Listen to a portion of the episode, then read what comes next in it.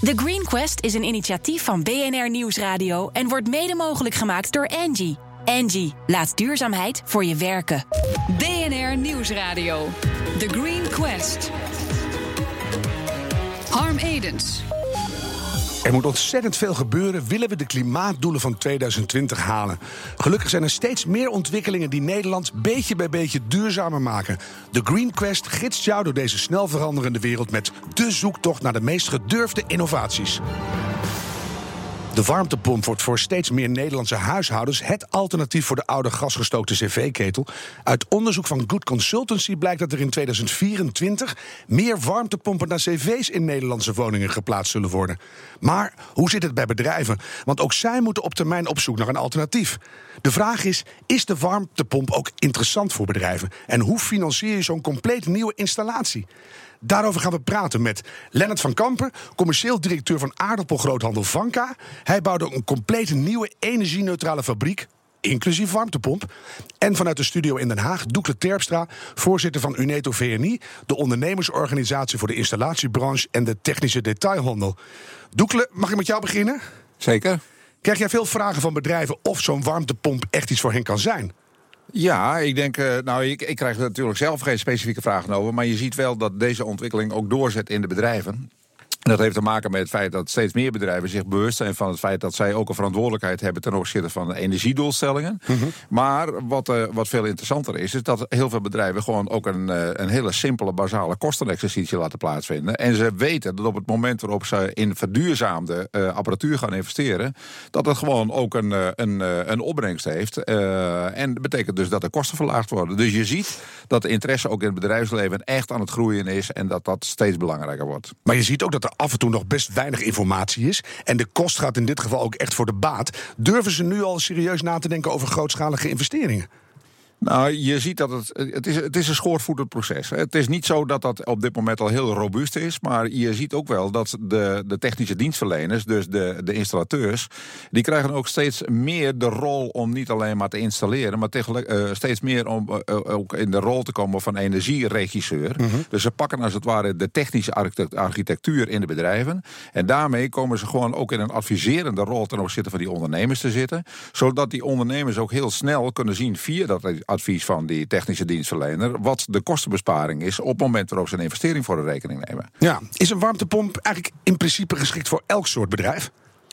Uh, je, je zou het eigenlijk anders kunnen, uh, kunnen zeggen. Hè? Van, is, de, is de warmtepomp uh, het enige, de enige weg naar Rome? Nee, dat is bepaald niet. Je ziet dat er steeds meer dingen zijn, op het, bijvoorbeeld op het gebied van waterstof of geothermie of wat dan ook maar. -hmm. dus er zijn meerdere varianten mogelijk. Maar je ziet dat het bewustzijn in bedrijven steeds groter wordt om uiteindelijk een aantal energie reducerende maatregelen te nemen. Die ook een directe invloed hebben op de kostenuitgaven van een van een onderneming. Ja, ja, dus het is niet één antwoord, maar je kijkt naar het hele nee. pakket en dan uh, kijk je waar je uitkomt. Ik ga even naar ja. Lennart. Jij leidt een familiebedrijf al. Uh, meer dan 80 jaar een groothandel in aardappelen. Dat moet je niet uitrekenen hoeveel aardappelen jullie geproduceerd hebben in 80 jaar. Ja, dat zijn er een klein beetje, Harm. Dat kan je wel stellen. Ja. Miljarden. Ja. Wanneer dacht jij ineens, dit moet anders? Ik, ik wil duurzamer. Uh, nou, ik sluit me eigenlijk al een beetje aan bij Doekle. Um, je moet een aantal dingen op de korrel nemen. Als je uh, dit soort investeringen doet om kosten te besparen, dan stel ik voor dat uh, dat niet de weg is waar je heen wil.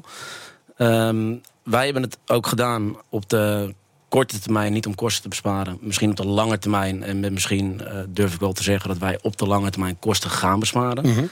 Maar dat zijn toch dingen, ja, dat moeten we altijd nog uh, uh, ja, uiteindelijk afwachten of dat ook uh, zo gaat lopen. Dus dat is puur idealisme bij jullie? zo kan je het op dit moment wel stellen, ja. ja. Je kijkt me nu met grote blauwe ogen aan, dus ja, nou ja, kijk, wat, ik zou het wat, bijna geloven. Wat, wat voor ons doorslaggevend was, is dat het systeem met de warmtepomp CO2-neutraal is. En daardoor wij geen uitstoot van gassen hebben. En gezien onze positie als marktleider binnen de tak tafelaardappelen voelen wij ons ook comfortabel bij het feit om dit soort initiatieven te nemen. En binnen een familiebedrijf worden dit soort zaken ja, vrijwel uh, vlot uh, kunnen wij dat beslissen. Ja, geen aandeelhoudersgezeur. Je zegt nou ja, gewoon, wij doen dat en dan doe je dat. Nou ja, zeker als uh, in mijn positie, ehm, waar je natuurlijk wel wil klankborden met specialisten om je heen. Ik moet wel zeggen, ehm, even terugkomend op net. Als je verschillende installateurs vraagt of ze een warmtepomp zouden stimuleren of niet, zijn de meningen er wel heel erg over verdeeld. Mm uh, waarom? Ja, geen idee. Maar de ene is heel positief en de andere is wat minder positief. Je heeft misschien te weinig monteurs of zo. Daar gaan we het zo nog wel even over nou, hebben. Ja, dat is ook nog wel een onderwerp waar we het even over kunnen hebben. Ja. Maar laat ik het anders vragen. Je, op een gegeven moment besluit je tot zo'n traject. Dan komt zo'n warmtepomp in beeld. En dan denk je, we gaan het doen. Wat zijn de problemen waar je tegenaan bent gelopen? Uh, wij zelf zijn uh, tot op heden nog niet tegen problemen aangelopen. Het eerste probleem waar een bedrijf potentieel tegenaan zou kunnen lopen... is de investering in euro's. Want die is uh, uh, vrij fors vergeleken bij ja, als je geen warmtepomp neemt. Noem eens een bedrag. Ehm, nou, ik, ik heb mezelf voorgenomen om niet met bedragen te komen. Ik kan je wel vertellen dat het, het over... maal factor 2 minimaal is. Maal factor 2 ligt aan waar, factor waarvan dan natuurlijk? Nou ja, dat is dus uh, voor het ene bedrijf kan het dus, ik noem wat, een 40.000 euro zijn. Voor het andere bedrijf zou het een iets hogere uh, uh, ja, bedrag in euro's kunnen zijn. Mm -hmm. Maar dat is een behoorlijke berg eigenheimers voor jullie, voor je dat, dat terug hebt. ja, heb jij verstand van aardappelen? Ik heel veel. Ja, ja beeldstart ik ook heerlijk. Oh, je hebt je goed ingelezen, ja. ja. Ik, ik, ben gewoon een aardappelliefhebber. Nou, dus, dat, dat horen wij graag. Maar dat was voor jullie geen reden om te zeggen, dat doen we niet? Nou, wat, uh, tuurlijk, op het moment dat wij het voorstel kregen en uh, de factor maal uh, minimaal 2 was, zou je de weg van de minste weerstand kunnen bewandelen. En dat houdt in geen warmtepomp. Mm -hmm. um, gezien ook het feit dat onze um, ja, afnemers wensen hebben en dit daar heel mooi op aansloot, vonden wij het eigenlijk een, een dusdanige reden om zo ook een stukje maatschappelijk verantwoord uh, nog extra te ondernemen op wat we al niet doen. Dat vind ik wel mooi, een soort wisselwerking met de keten. Doekle, er zijn nu, ik zei het net al, veel te weinig installateurs. Dus moeten we niet juist blij zijn dat bedrijven soms helemaal niet willen overstappen? Mm, nou, die verbinding zou ik niet uh, willen leggen. Kijk, hoe je het werd of keert, er, er komt onvermijdelijkheid. Hè. Misschien is het wel even interessant om te melden dat uh, als je kijkt naar wat er in het komende jaar bijvoorbeeld gebeurt, dat staat bij heel veel bedrijven nog niet op het netvlies, maar dat is wel uh, een thema wat gaat komen. Mm -hmm. wij, wij, kennen een, een, bepaling in de wet Milieubeheer, en die bepaling geldt al sinds 1993, dat bedrijven alle energiebesparende maatregelen moeten nemen die zich binnen vijf jaar terug gaan verdienen. Ja. Nou, met die maatregelen maatregel, uh, nou ja, weet je, daar, daar zit niet echt een straf of controle op, om het zo maar even uit te drukken. Maar dat gaat met ingang van 2019 veranderen. Want dan hebben bedrijven een informatieplicht. En uh, de, de, ruwe inschatting is dat dat voor 100.000 bedrijven gaat gelden. Dus uh, bedrijven bijvoorbeeld die meer dan 25.000 kuub gasverbruik op jaarbasis hebben, die moeten dus gaan melden op welke manier zij die energiebesparende maatregelen gaan nemen in het, in het bedrijf. Vind ik wel een ontwikkeling ja. Dat is, dat is zeker een ontwikkeling. Dus dat betekent ook even los van de vraag of er monteurs beschikbaar zijn, ja of nee. Bedrijven hebben de, uh, gewoon de plicht om met ingang van januari uh, gewoon een melding te doen over hoe zij die energiebesparing laten plaatsvinden. En als je dus dan niet doet, gaat gebeuren. Ja, dan weet je ineens dat je een vervuilende aardappel produceert. En dat, dat kan eigenlijk niet meer. Nee, bijvoorbeeld. Dan, krijg je, dan krijg je nog, dan krijg je nog, nog ergere eigenheimers. Uh, dus dat moeten we niet hebben. maar misschien is het ook nog wel goed om te melden dat. kijk, bedrijven die, die worden steeds meer uh, in de positie gebracht dat ze moeten. Hè, dus die informatieplicht die komt. Mm -hmm. uh, maar er liggen ook allemaal investerings- uh, of subsidiemogelijkheden voor bedrijven om uiteindelijk een tegemoetkoming te plegen aan de investering die in, het, in, in, in het bedrijf genomen wordt of ondernomen wordt. Ja, en kunnen ze bij jou vragen waar ze het vandaan moeten halen? Want dan ja, zeker. Even ik, kan, ja. Ik, ja, ik kan er zo een paar noemen. Je hebt energie-investeringsaftrek, je hebt subsidieregeling duurzame energie, je hebt een investeringssubsidie duurzame energie. Ja. Dus allemaal mogelijkheden waar bedrijven een beroep op kunnen doen. Dus je ziet dat het aantrekkelijker wordt voor bedrijven. Je ziet dat bedrijven het doen vanuit idealisme. Er zijn bedrijven die het doen vanuit kostenoverwegingen. Maar hoe je het went of keert, in het jaar 2019 zullen ook steeds meer bedrijven eraan moeten geloven. Want ze zullen moeten uh, rapporteren op hun uh, investeringen. Ja. ja, dus ze moeten investeren op hun, of rapporteren op hun investeringen. Mooi. Lennart, zou jij andere bedrijven aanraden een, een, een warmtepomp te nemen? Want jij, jij hebt er nu een. Nou, um, ja, ik zou ze dat wel aanraden. Ik zou, kan het ook uh, even onderbouwen. Wij hebben ehm, een jaar geleden een uh, volledig gescheiden biologische fabriek geopend. Omdat wij nogal behoorlijk groeiden en extra ja, productieruimte nodig hadden. Bij een biofabriek CO2-neutraal met een warmtepomp, dat sluit natuurlijk mooi bij elkaar aan en komt ook richting onze visie waar wij voor staan. Wat ik erbij wil zeggen, waarom zou ik het zeker fabrieksmatig bedrijven adviseren? De warmtepomp is niet alleen voor warmte, maar in de zomer kan je het ook omzetten in verkoelde ja, activiteiten. Heerlijk, je kan er twee dingen mee. Je kan er twee dingen mee. En ja, dat, kan, dat kan je van je kachel thuis toch niet zeggen? Nee, jij bent gewoon positief. Altijd positief. Dankjewel. Lennart van Kampen, commercieel directeur van aardappelgroothandel Vanka met warmtepomp. En vanuit Den Haag Doekle Terpstra, voorzitter van Uneto VNI, de ondernemersorganisatie voor de installatiebranche en de technische detailhandel. Elke week kiest ons Green Team uit de aanmeldingen een bedrijf dat volgens hen het verschil kan maken. En aan het eind van deze spannende zoektocht kiezen zij de winnaar van The Green Quest Award. Door middel van een audiofragment maken we kennis met het volgende bedrijf in The Green Gallery. Zit er een geluid bij of niet? Nee, zit er geen geluid bij. Wauw, Hilde, je, bent een, je hebt een stil bedrijf. Ja, en ik dan? Nou, mijn collega's liggen nu echt helemaal in een deuk. Hilde en stil, dat gaat niet samen. Er loopt nu een, echt een hele mooie instart, alleen het geluid komt er niet uit. Maar uh, dat, het was dus uh, in het kort uitgelegd waar jullie mee bezig zijn. Mijn eerste vraag was... Uh, slim opgewekt klinkt reuze enthousiast. Hoe opgewekt zijn jullie eigenlijk over de toekomst? En dit is de hele reden waarom we het bedrijf zijn gestart en waarom ik het slim opgewekt heb genoemd. Um, eigenlijk zijn we gestart vanuit een, een, besef hoe belachelijk het is dat wij in Nederland onderaan staan als het gaat om het halen van onze klimaatdoelen. Alleen Malta en Luxemburg doen het slechter dan wij.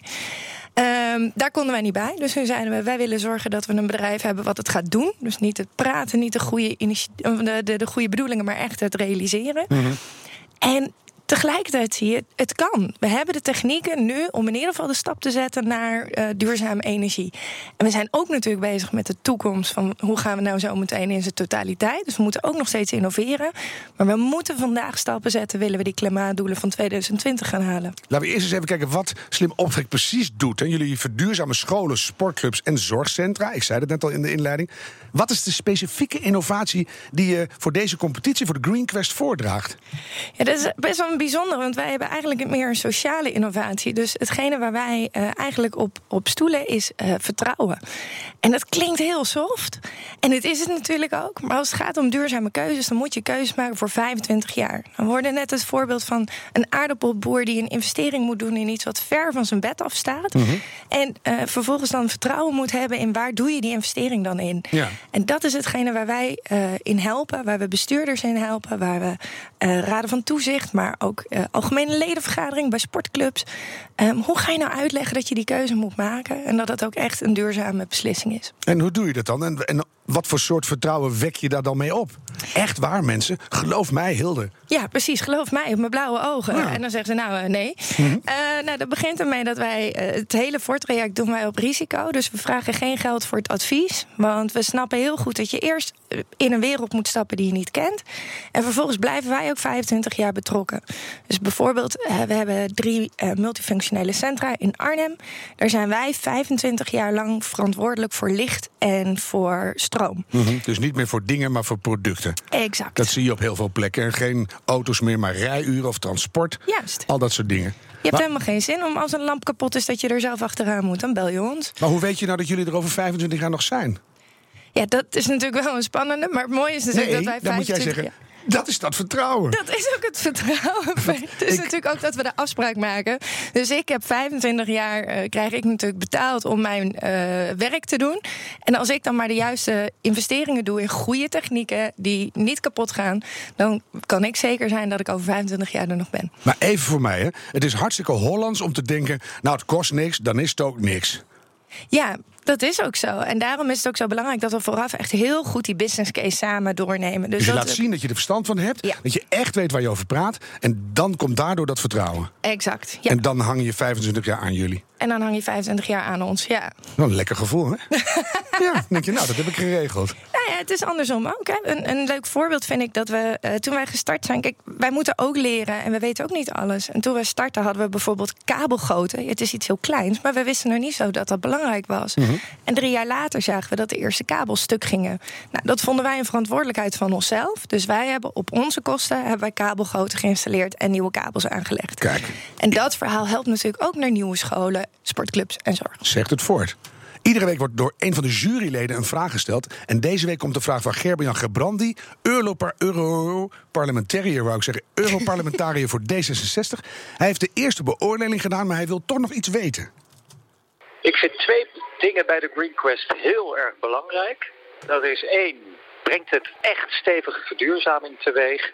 En twee, kan het ook op grote schaal worden toegepast? Dus mijn vraag aan jullie is, is jullie concept echt uniek ten opzichte van wat eigenlijk vele anderen al doen in het adviseren van organisaties? En um, hoe kan dat uiteindelijk tot uh, ja, veranderingen leiden in de transitie? Heel helder hè, voor een politicus. Een hele goede vraag ook. Twee dingen. Twee dingen. Nou, het, uh, laat ik beginnen met het tweede. Kunnen we het ook groot uitrollen? We zijn uh, met vier ondernemers gestart, zes jaar geleden. Uh, geen grote investeerder daarachter. Gewoon vier mensen die een uh, idee hebben. We staan nu op een groep van 45 man. Dus als ik in zes jaar kan groeien naar 45 mensen en 150 locaties, dan heb ik het idee dat het wel schaalbaar is. Mm -hmm. En het eerste, dat is nou juist hetgene wat ons zo uniek maakt. We hebben een bedrijfsmodel opgezet wat alleen maar gekoppeld zit aan CO2-besparing. Dus ik verdien niet aan het advies. Dus ik kan alleen maar mijn bedrijf laten groeien als ik ook werkelijk CO2 bespaar. Mm -hmm. En in die zes jaar tijd hebben we nu al acht uh, miljoen kilowattuur grijze stroom uh, bespaard met onze locaties. Dat is een beetje abstract begrip, hè? Abstract, Maar hè? goed, klinkt als heel veel. Als ik een elektrische auto daarvoor laat rijden, dan kunnen we uh, zes keer de aarde omheen. Nu al. Ja, klinkt ook heel groot, maar nog, ja, nog steeds, nog steeds een beetje abstract. maar maar de, de, het, het, schaalt snel op bij jullie. Ja. Het wordt steeds groter. Kom je toch weer terug op dat beginpunt. Als ik eenmaal jullie truc weet, kan ik heel makkelijk zelf mee aan de slag. We hebben de schooldakrevolutie in Amsterdam. Hup, zonnepanelen, Syrische monteurs. Ja. Allemaal gecoverd. Dus wat maakt je nou zo uniek waarvan je zegt... daardoor worden wij groter en gaan wij echt het verschil maken? Nou, ik denk dan, een van de dingen die ik vanaf het begin af aan heb gezegd... ik communiceer alleen wat we hebben gedaan en niet wat ik denk dat ik ga doen. Vind ik op zich mooi, en hoor. Dat ja. bewijst wel dat wij zijn de enige die dit gestart zijn... en het nog steeds doen en al meer dan 80 scholen overtuigd hebben. Het, de theorie is niet ingewikkeld. En ik denk dat dat ook hetgene is bij de hele klimaatdoelstellingen die we nu hebben. Het is zo'n groot probleem dat we ook een grote oplossing willen. Ja. Maar de oplossing is, we moeten het gaan doen. Nou, wij zorgen ervoor met onze aanpak dat we echt geluisterd hebben naar de doelgroep. Wat heb jij nou nodig om die stap te zetten?